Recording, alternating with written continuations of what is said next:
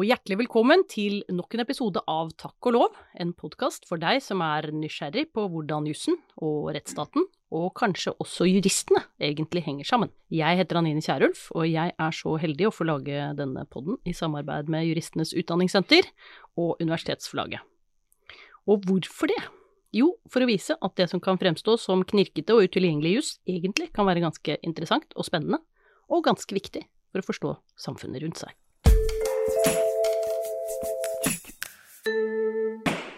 Er en av våre sommerbonusepisoder, og jeg vil si at det er en ganske klekkelig bonus vi står over her i dag.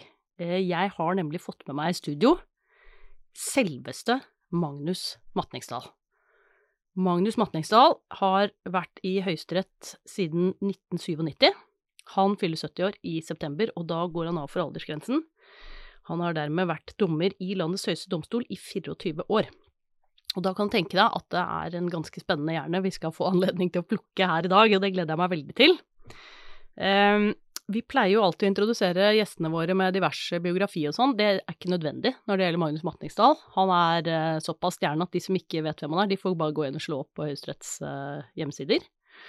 Uh, men vi pleier jo alltid å menneskeliggjøre disse litt hva skal vi si, skrekkinngytende størrelsene vi av og til får på besøk. Eh, og Magnus er en sånn, selv om han er en utrolig hyggelig fyr, så er det så utrolig mye faglig han har gjort gjennom sitt liv at eh, det er litt skummelt å skulle intervjue han, kjenner jeg.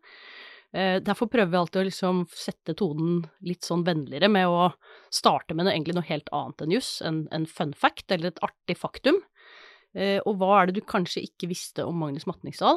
Det er at du var, er, en, var iallfall, en habil friidrettsutøver, stemmer det, Magnus? Ja, eh, var, habil kan vi kanskje kalle det. Jeg har faktisk vært med og vunnet Holmenkollstafetten i juniorklassen tilbake i 68. Oi! Men eh, jeg var ikke noe stort talent. Var du ikke det? Men du har vært ganske sprekk og holdt på? Ja, jeg har sprunget maraton. Jeg er 3,12 på maraton. Se her, ja. Ikke sant. Dette, alt det du ikke Men da løper du ikke i kappe? Nei, jeg ikke det. Men jeg burde ikke ha løpt i det hele, fordi at jeg hadde noen kraftig forkjølelse, og det var mange og 20 varmegrader. Så jeg fikk vel vite etterpå at det jeg hadde gjort, var livsfarlig. Ja, vi, det, Men jeg overlevde. Det er vi veldig glad for. Og tusen takk for at du ville komme hit til oss uh, i dag, Magnus. Det er en stor glede og ære, vil jeg si, å ha deg med i podden. Kanskje vi bare skal begynne sånn eh, å varme opp lite grann. Hvordan, eh, hvordan, føles det å skulle gå av til høsten etter så mange år i Høyesterett? Nei, det har nå litt blanda følelse rundt eh, det å, å, gå av. For jeg føler at jeg fortsatt uh, har betydelig kraft. Uh, det, men samtidig så er det jo sånn at man må ha en fast aldersgrense. Det mener jeg er helt riktig. Og jeg tror også at 70 år er en, en riktig, riktig aldersgrense. Men det er jo klart at eh, selv om jeg nå eh, går av som dommer, så betyr ikke det at eh, jeg kommer til å sette meg i gyngestolen og ikke gjøre noe. Jeg har jo disse faglige produksjonene mine som skal mest sagt ajourføres. Dessuten så har jeg hatt et veldig hyggelig møte med Universitetet i Stavanger, som nå etter endringen av gradsforskriften tar sikte på å gå i gang med fullt embetsstudium. Og der eh, er tanken at jeg skal eh, delta i undervisningen eh, innenfor strafferett og straffeprosess, i alle fall. Ja, Da hørte dere det, etablerte universiteter. Det er bare å frykte konkurransen og sette seg skikkelig i stand til å møte den. Det blir ikke lett. Veldig bra, Magnus. Du er ikke blant dem du som, som sutrer over at aldersgrensene er, for, er liksom uh, blir for høye. Du kunne egentlig godt uh, tenkt deg å fortsatt uh, lenge til, men du mener at det er en riktig ting å slutte omtrent på 70? Hadde aldersgrensen vært eksempelvis 72, så hadde ikke jeg blitt pensjonist i høst. Nei, det er nettopp. Det er så mye vi kunne snakket om her i dag, men vi har tenkt å konsentrere oss egentlig om to hovedtemaer som det går an å putte ganske mye inn under, og det skal vi gjøre, tror jeg. det første er internasjonaliseringen av retten, som eh, jo preger egentlig veldig mange rettsfelt, men som kanskje har hatt sin sterkeste utvikling omtrent parallelt med den tiden du har vært i Høyesterett. Så vi er veldig nysgjerrig på å høre holdt jeg på å si, et innsideblikk fra Høyesterett, og kanskje noe tiden før også, på hvordan den internasjonaliseringen har preget norsk rett, før vi går over til å snakke litt om den særlig din, ditt eh, hjertebarn, får vi si, selv om du er eh, omnisient omtrent og kan veldig mye på alle felt, eh, nemlig strafferetten. Um, men hvis vi begynner med internasjonaliseringen, og kanskje, som jo er, ligger mitt hjerte nær, da, menneskerettighetenes innflytelse i norsk rett. Hvis man skulle se bakover og se, når man jo på en måte kjenner fasiten, er det, er det, et navn eller noe du kan trekke frem som du vil bruke som et utgangspunkt for å snakke om menneskerettighetenes innflytelse i norsk rett? Ja. Eh, men da vil kanskje jeg først nevne at jeg har jo faktisk vært dommer siden 1989. Eh, slik at jeg har nå vært dommer i 32 eh, år når vi kommer til august. Når det så gjelder navn, så er det en østerriker jeg vil trekke fram, og som kanskje ingen tenker på. Og hans navn er Unter Pertinger.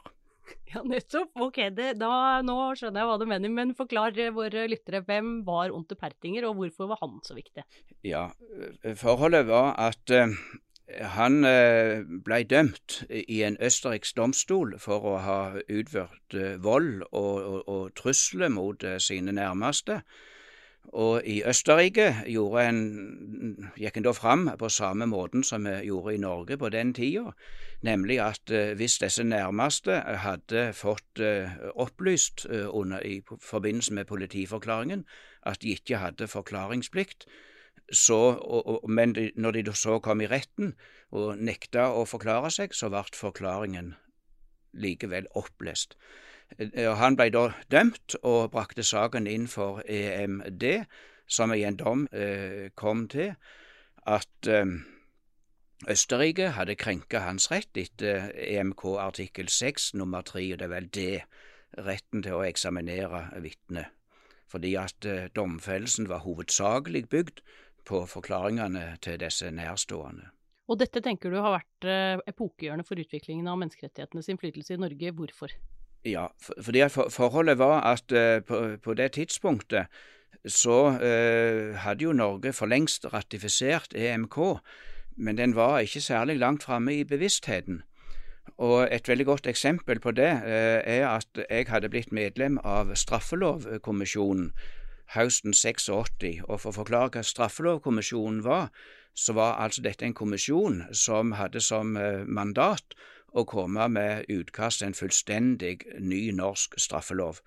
Og det var professor Brattholm som var leder av eh, denne kommisjonen. Den var vel oppretta i 1982, og så hadde vi eh, våren 1987 et møte med en svensk eh, lovkomité som arbeider med enkelte spørsmål innenfor strafferetten. Og Da fikk Brattholm spørsmål om hvor mange problem eh, eh norske straffelovkommisjon hadde sett i forhold til EMK. Og Da eh, så Brattholm rundt på de ulike medlemmene, og svaret var EMK har aldri vært nevnt i noe møte eh, som straffelovkommisjonen har hatt. Så skjedde det at eh, denne eh, dommen fra EMD eh, den ble omtalt i en artikkel av nåværende professor Aall i Bergen i Lov og rett på slutten av 1988.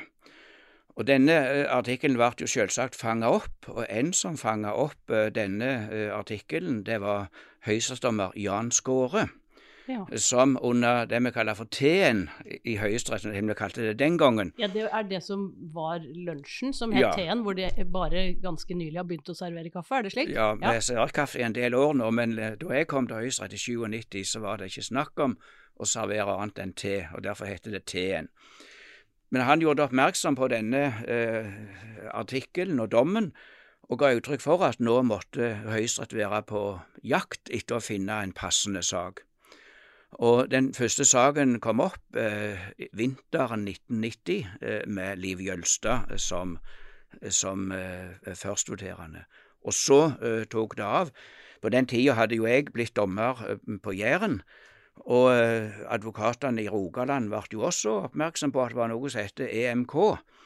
Men eh, ofte eh, når EMK var påberopt, så ble det bare sagt ja, dette er i strid med EMK. Men da måtte jeg jo be om å få en nærmere begrunnelse. Hvilken artikkel eksempelvis eh, er dette i, i strid med? Og da ble de ofte svar skyldig. Ja, dette, det var starten på begynnelsen av 90-tallet. Dette var på den tiden da det å argumentere med menneskerettigheter betydde at du egentlig ikke hadde argumenter? Var det slik? Ja, i en god del av tilfellene var det faktum. Ja. Det er jo en ganske annen situasjon enn den vi er i i, i dag. Hvordan, øh, hvordan har dette vært i din tid i Høyesterett? Fordi noe begynte å skje på det tidspunktet der, men øh, menneskerettighetene på litt ulike felt skjøt jo ikke sånn veldig fart kanskje før senere på 90-tallet, og kanskje etter år 2000 også. Vi har jo menneskerettighetsloven av 1999 og veien frem til den, og så har vi kanskje større oppmerksomhet omkring det fordi Norge ble dømt i en del saker på ytringsfrihetens område i 1999 og 2000, og så kom det noen dobbeltstraffsaker på begynnelsen av 2000-tallet. Eh, hva vil du trekke frem som det som har vært viktigst for en dreining i Høyesterett på dette punktet? Nei, Det har jo skjedd en stadig utvikling. I første tida så var det jo uh, først og fremst problemstillinger rundt opplesning av politiforklaring. Så kom det jo en del saker om uh, habilitet. Men så har vi etter hvert nærmest fått hele pakken. Ja. Ifra, særlig fra tusenårsskiftet. Og hva er det vanskeligste med dette her, da? Det forekommer jo meg, og kanskje mange andre, ikke bare på EØS- og EU-rettens område, men også menneskerettighetenes område, at rettskildebildet blir ganske mye større og mer komplekst? Ja, det er helt riktig. Og det, det blir ofte ganske mange rettsavgjørelser å sette seg inn i. Og det som også er, er poenget, og som nok en del advokater ikke er like flink til, det er at du kan ikke bare trekke ut en enkeltstående setning. Du må se helheten i saken. Hva, hva, hva er med seg klangbakgrunnen for, for de ulike utsagn? Og det innebærer at det blir ofte veldig mye lesning. Sånn at det å være dommer i dag, og det gjelder jo selvsagt ikke bare for Høyesterett, men det gjelder selvsagt også for lavere instanser, er at det er nok gjennomsnittlig eh, mer krevende rent rettskildemessig, men samtidig vil jeg også påstå at det er mer interessant. Ja, og, og kanskje oftere sånn at det er noen kilder å øse noe fra på det som tidligere var jeg, Det syns jeg kanskje var det rareste da jeg begynte å jobbe som advokat etter å ha vært på studiet, i hvert fall. Det var jo at det var jo ofte ikke noen kilder å finne som ga noe klar løsning, eller ga noen gode argumenter til det jeg skulle gruble på. Men her har du i hvert fall flere argumentkilder å, å hente fra, da. Ja, men så er det også den, eh, det som våre holdningene som Høyesterett jo har gitt uttrykk for i denne grunnleggende bølardommen i 2000, er at det er EMDs rolle å utvikle eh, konvensjonen, og ikke Høyesteretts rolle. For det er også gått på et, en sentral problemstilling. Skal vi operere med en, et, et forsiktighetsprinsipp? Eh, slik at eh, vi ikke risikerer å være dømt i EMD. Men det som er problemet, er at hvis du opererer med et forsiktighetsprinsipp, at da kan du sette norske myndigheter i en veldig vanskelig situasjon, ved at de på en måte kan bli litt hemma i, i, i, i, sin lovgivning. At domstolene på en måte begrenser den politiske eller folkesuvereniteten ja. i større grad enn det menneskerettighetene gir uh, pålegg om, ja. Så det var vi veldig klar på i denne Bøhler-dommen, som jo var i plenum i det var ved sommeren 2000. Ja. Det hender jo at Norge blir dømt i Strasbourg. Uh, en av de tingene som har vært fremhevet når man skal egentlig drive maktutøvelse på legitimt vis helt generelt, men som kanskje har blitt enda viktigere med denne overnasjonale innflytelsen hvor det er flere domstoler involvert som skal gruble på de samme tingene, det er jo betydningen av begrunnelser for eh, de beslutningene man kommer frem til. Er det noe som har slått inn uh, i Høyesterett også, at uh, man plutselig får Dere dømmer jo i siste instans, men, men uh, plutselig er det noen som skal titte dere i kortene og skjønne hvorfor dere har kommet frem til det dere har kommet frem til også? Ja, du kan si at på samme måten som en eh, med årene eh, får mer innblikk i det rent materielle, så får en nok også en del eh, erfaringer med hensyn til si, det mer prosessuelle. Og en lærdom som vi har trukket etter hvert, det er jo akkurat dette du nevnte med betydningen av begrunnelse.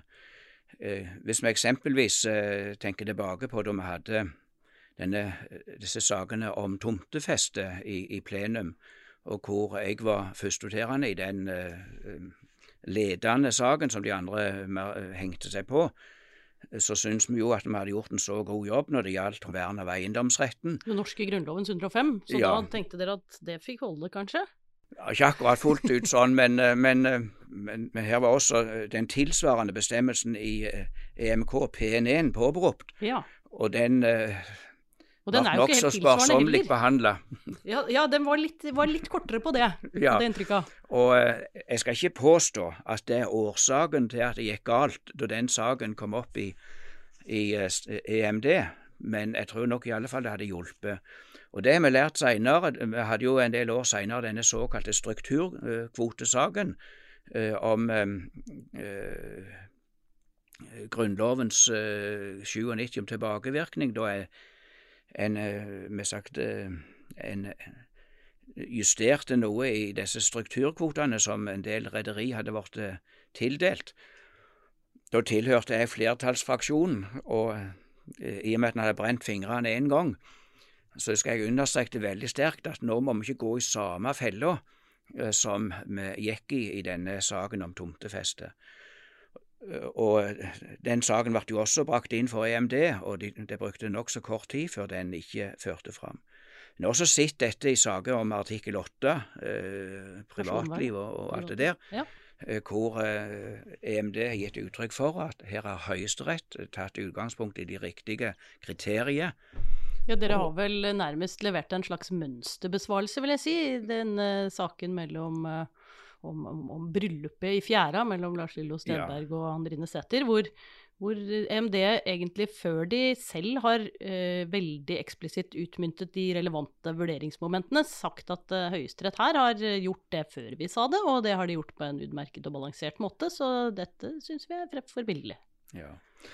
Sånn at uh, dette er jo eh, en veldig viktig lærdom, og, og dette kommer jo til Høyesterett til å, å følge opp uh, eh, videre.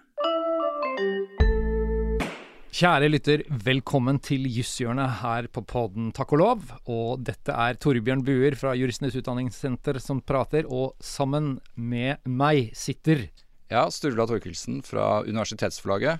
Og Torbjørn, nå virker det jo som en evighet siden vi satt her sist. Det virker virkelig som en evighet, eh, og jeg lurer på, har du begynt å pakke sekken din for å dra på interrail? Og jeg skulle gjerne ha svart bekreftende på det, Torbjørn. Det hadde vært helt fantastisk å, å skulle si at man straks skal ut og reise fysisk. Men vi er vel ikke helt der ennå. Men selv om vi ikke kan reise, så er det jo ikke noe tvil om at mye har skjedd eh, innenfor jussen, og ikke minst til Høyesterett i den perioden vi har vært igjennom.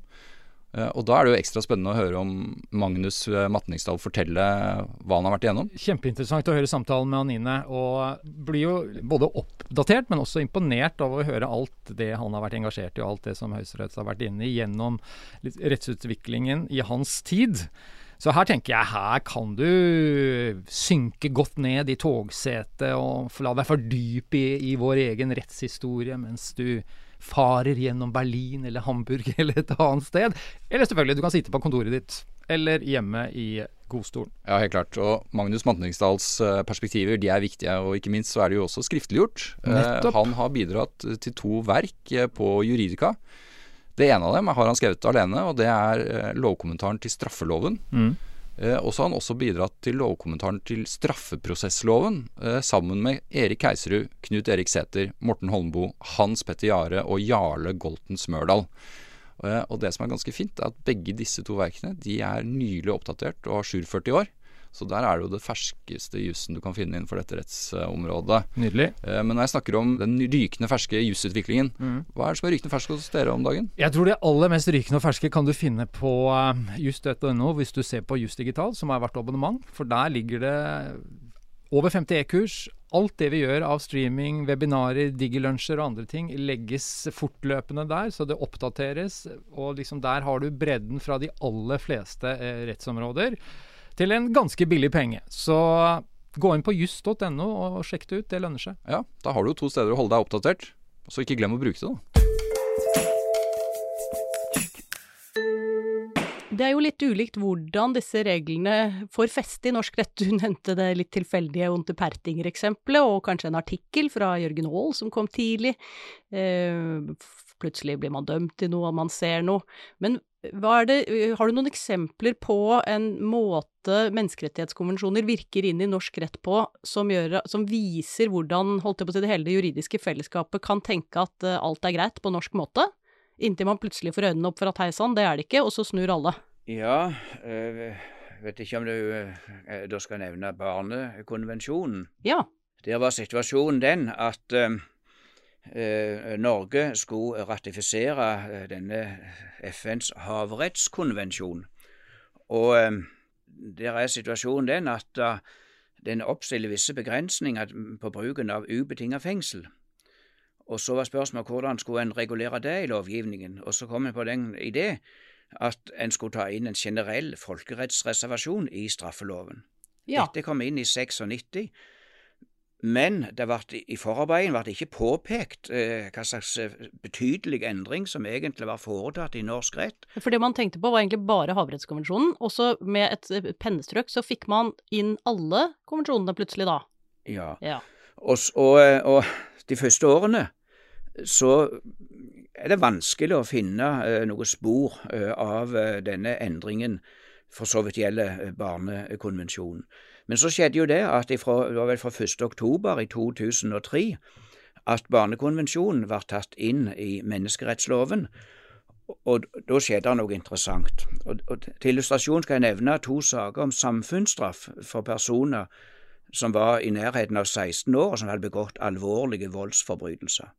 I den første saken, som er avsagt eh, noen måneder før eh, den inn, eh, den, denne barnekonvensjonen kom inn i menneskerettsloven, så ble det rett nok reagert med samfunnsstraff, men det er ikke noen sånn barnekonvensjon-overtone i, i dommen.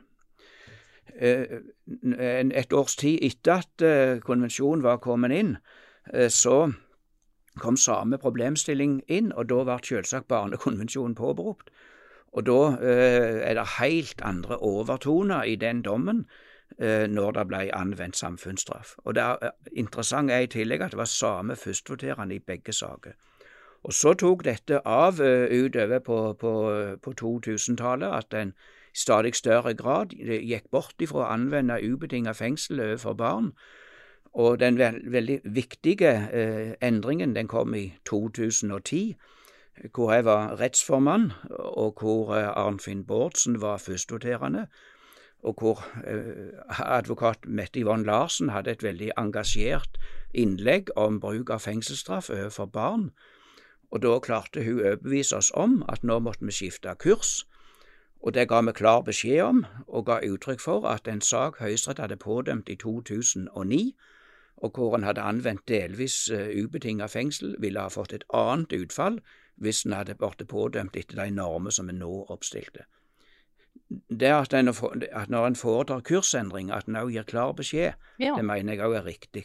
Det er viktig, det er jeg enig i. Det holdt jeg på å si både i rettsvitenskapen generelt, og ikke minst i dommer. eh, Ganske avgjørende at man markerer at nå er det faktisk skjedd et skille. Ja.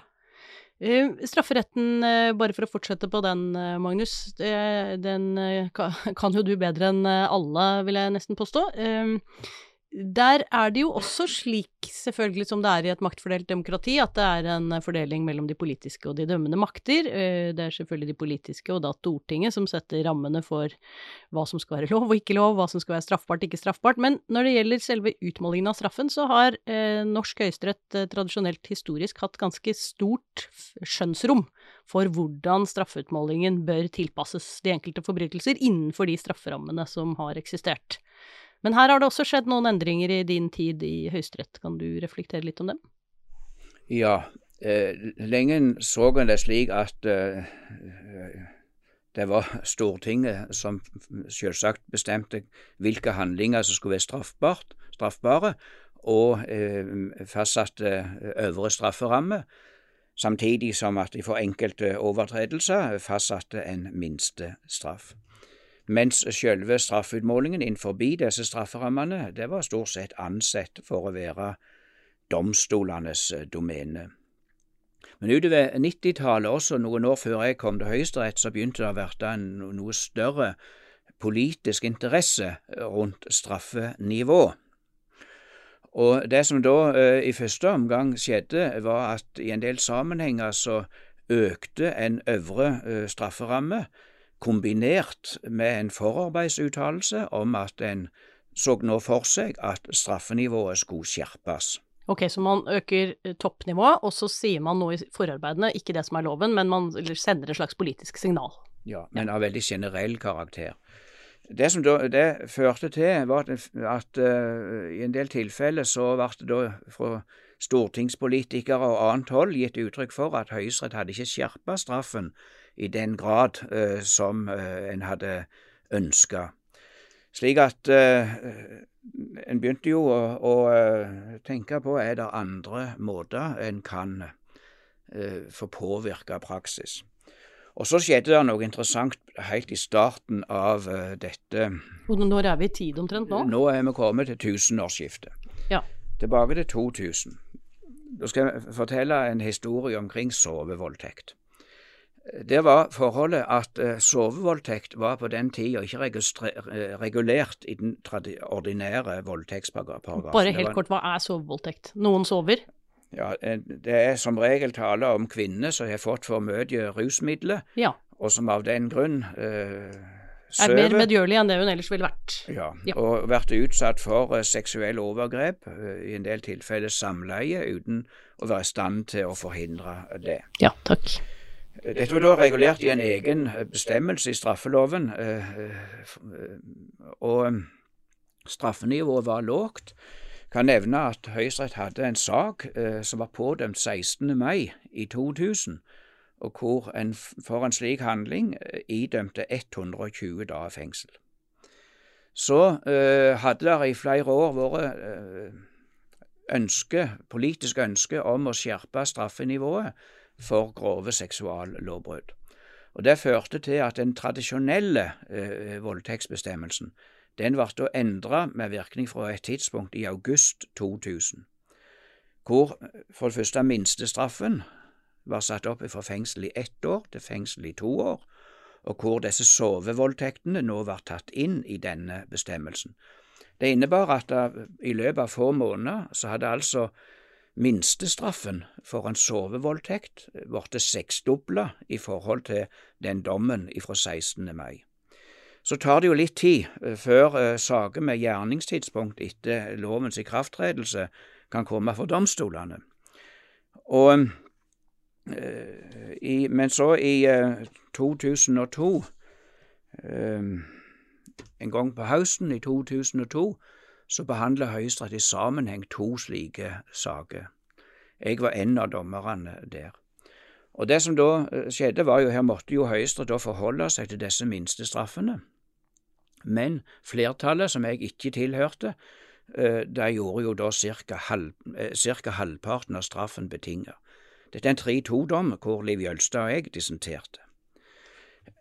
Jeg husker veldig godt det som skjedde den gangen, og det var at uh, dette vakte veldig stor misnøye på Stortinget. Altså, de opplevde nok dette som en ikke spesielt lojal etterlevelse av den lovendringen. Så skjedde det noe annet samme år. altså Dette var på en måte rød klut nummer én. Mm -hmm. Så kom det også en annen rød klut.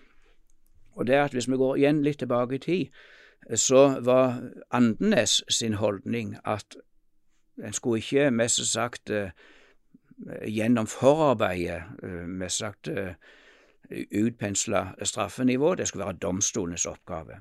Og så ble det nedsatt, blitt nedsatt en ny straffelovkommisjon for å komme med forslag til de spesielle delene, og i 2002 avga de en innstilling eh, hvor eh, de også kom inn på dette spørsmålet om betydningen av utsagn i forarbeidene, og de var veldig negative at dette skulle, til, skulle til, tillegges vekt. Dette reagerte justiskomiteen kraftig på i forbindelse med forslaget til alminnelig del ja, for her har, vi, her har vi et juridisk miljø av fagpersoner som mener dette, som ja. man kanskje alltid har ment, og så har man noen politikere som mener noe annet, for det er ikke så populært. Nei. Nei. Og, og, og, i forbindelse med at den, skulle, den, den någjeldende straffeloven den er jo vedtatt i tre etapper. og Første etappe, som gjelder de generelle bestemmelser, ble jo vedtatt i 2005. Og i forbindelse med justiskomiteens innstilling, altså en odelstingsproposisjon ble jo alltid deretter behandla av en fagkomité, og det er justiskomiteen, så skriver de i denne innstillingen at komiteen vil med dette som bakgrunn påpeke at det følger klart av Grunnlovens maktfordelingsprinsipp at det er Stortingets rolle å være lovgiver også på strafferettens område. Tydelig tale. Og de kom også med en del sånn forhåndsbestillinger om straffenivå og, og, for enkelte alvorlige lovbrudd, som jo en da skulle komme tilbake til i senere proposisjoner. Og Da var jo spørsmålet for Justisdepartementet lovavdeling hvordan skulle de da kunne fylle opp denne bestillingen. Og, og, og da er min mistanke, eller min tanke, er at de henta inspirasjon fra Danmark. Fordi at i Danmark eh, hadde en regjering som overtok eh, sånn midt på 90-tallet, eh, var av den oppfatning at her eh, burde en skjerpe straffenivået for en rekke overtredelser. Men så er situasjonen i Danmark at eh, dansk høyesterett har ikke hatt så mange straffesaker som norsk høyesterett slik at de henvendte seg til den danske riksadvokaten og spurte om hva er straffenivået for de og de og de overtredelsene, og fikk svar på det. Og så eh, ble det da eh, vedtatt eh, økning av øvre strafferamme for en rekke overtredelser, og så ble det sagt at når, en fikk nye handlinger til pådømmelse, så skulle straffen økes så og så mye. Mm. Og Dette vakte jo en del eh, motstand i Danmark, men spørsmålet kom opp for den danske høyesterett i 99, og eh, den danske høyesterett sa at dette må vi legge til grunn. Og Jeg tror det er akkurat dette som inspirerte også eh, Justisdepartementets lovavdeling, når de da i forbindelse med forberedelsen av eh, særlig eh, straffebudene om voldslovbrudd og seksuallovbrudd kom med nokså eh, klare utsagn om eh, både hva normalstraffenivå skulle være, og så, så videre.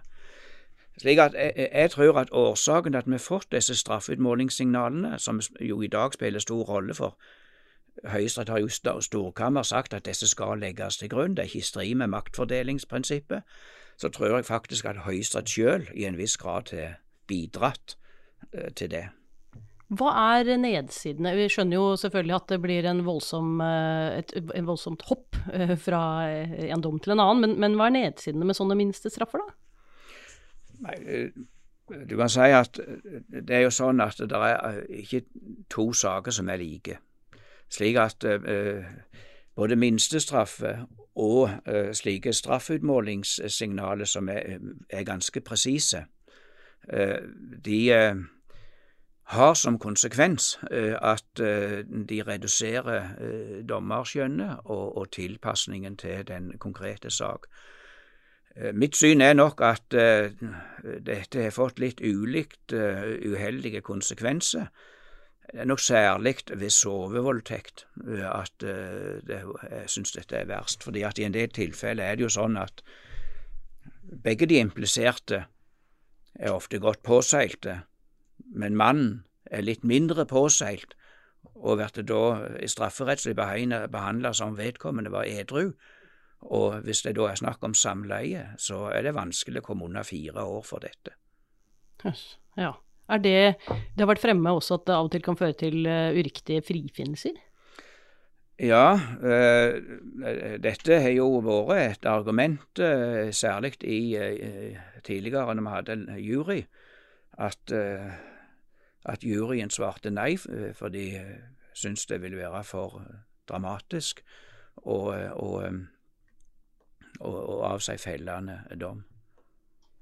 Det er eh, veldig interessant, Magnus. Du, eh, du, snakket om at vi kanskje også kunne komme inn på en eh, dom når vi er på strafferettens område, som som uh, har hatt ganske stor betydning, eh, ikke for så vidt så mye på strafferetten, selv om det er en veldig viktig straffesak i norsk historie, men, men, for en annen rettighet, nemlig ytringsfriheten, eller den siden av ytringsfriheten som av og til kalles informasjonsfriheten, altså vår mulighet til å tilegne oss informasjon om samfunnet rundt oss. Uh, vet du hvilken sak jeg tenker på?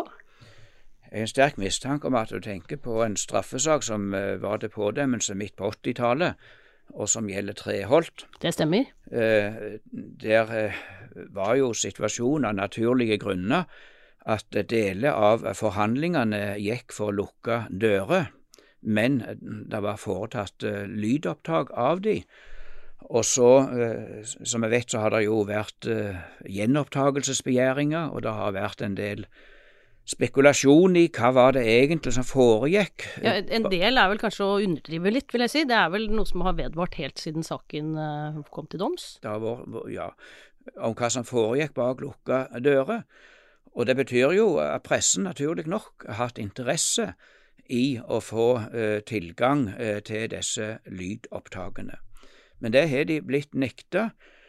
Og um, men så kom en sak om dette spørsmålet hvor det var mest av hele norske eh, medieverden som sto bak. Jeg tror det var borti en 20 parter, så vidt jeg husker. Og, dette var vel i 2013. Jeg var rettsformann på den eh, saken, og hvor de altså ikke hadde De påberopte seg artikkel 10 eh, om, om, rett til, til, innsyn.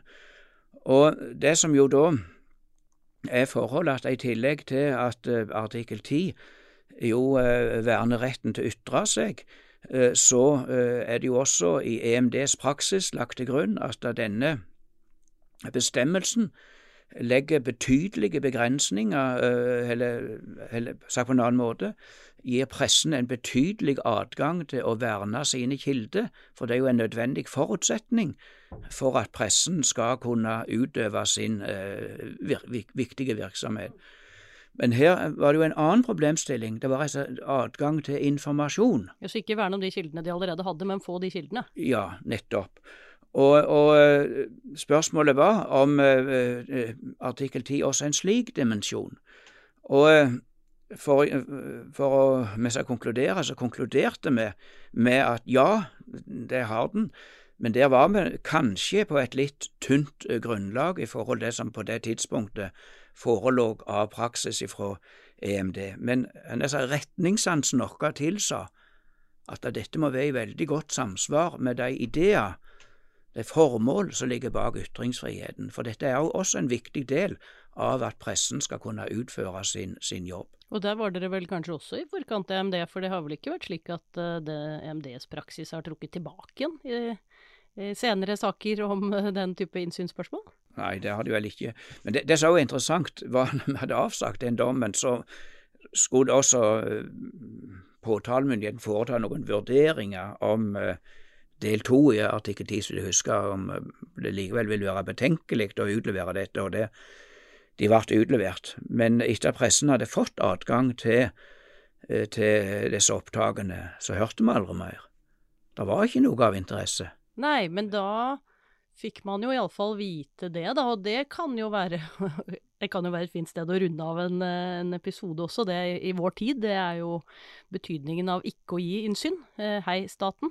Betydningen av ikke å gi innsyn er gjerne spredning av flere konspirasjonsteorier, og det er ikke sikkert at det er det vi trenger mest av om dagen.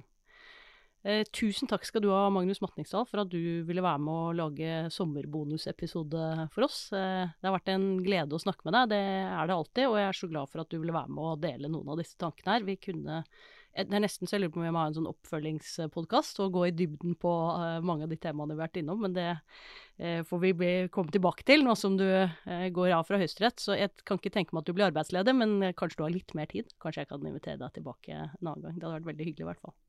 Det har også vært hyggelig å være sammen med deg, som det alltid er. Og eh, det kan godt være vi kan finne et eh, finne tema til en senere anledning. Jeg krysser fingrene for det.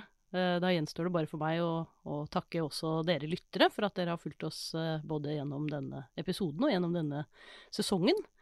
Eh, jeg takker Juristenes Utdanningssenter og Universitetsforlaget, som eh, er de som står bak denne podkasten sammen med meg. Og så ønsker jeg hjertelig velkommen tilbake når vi kommer med neste episode av Takk og lov.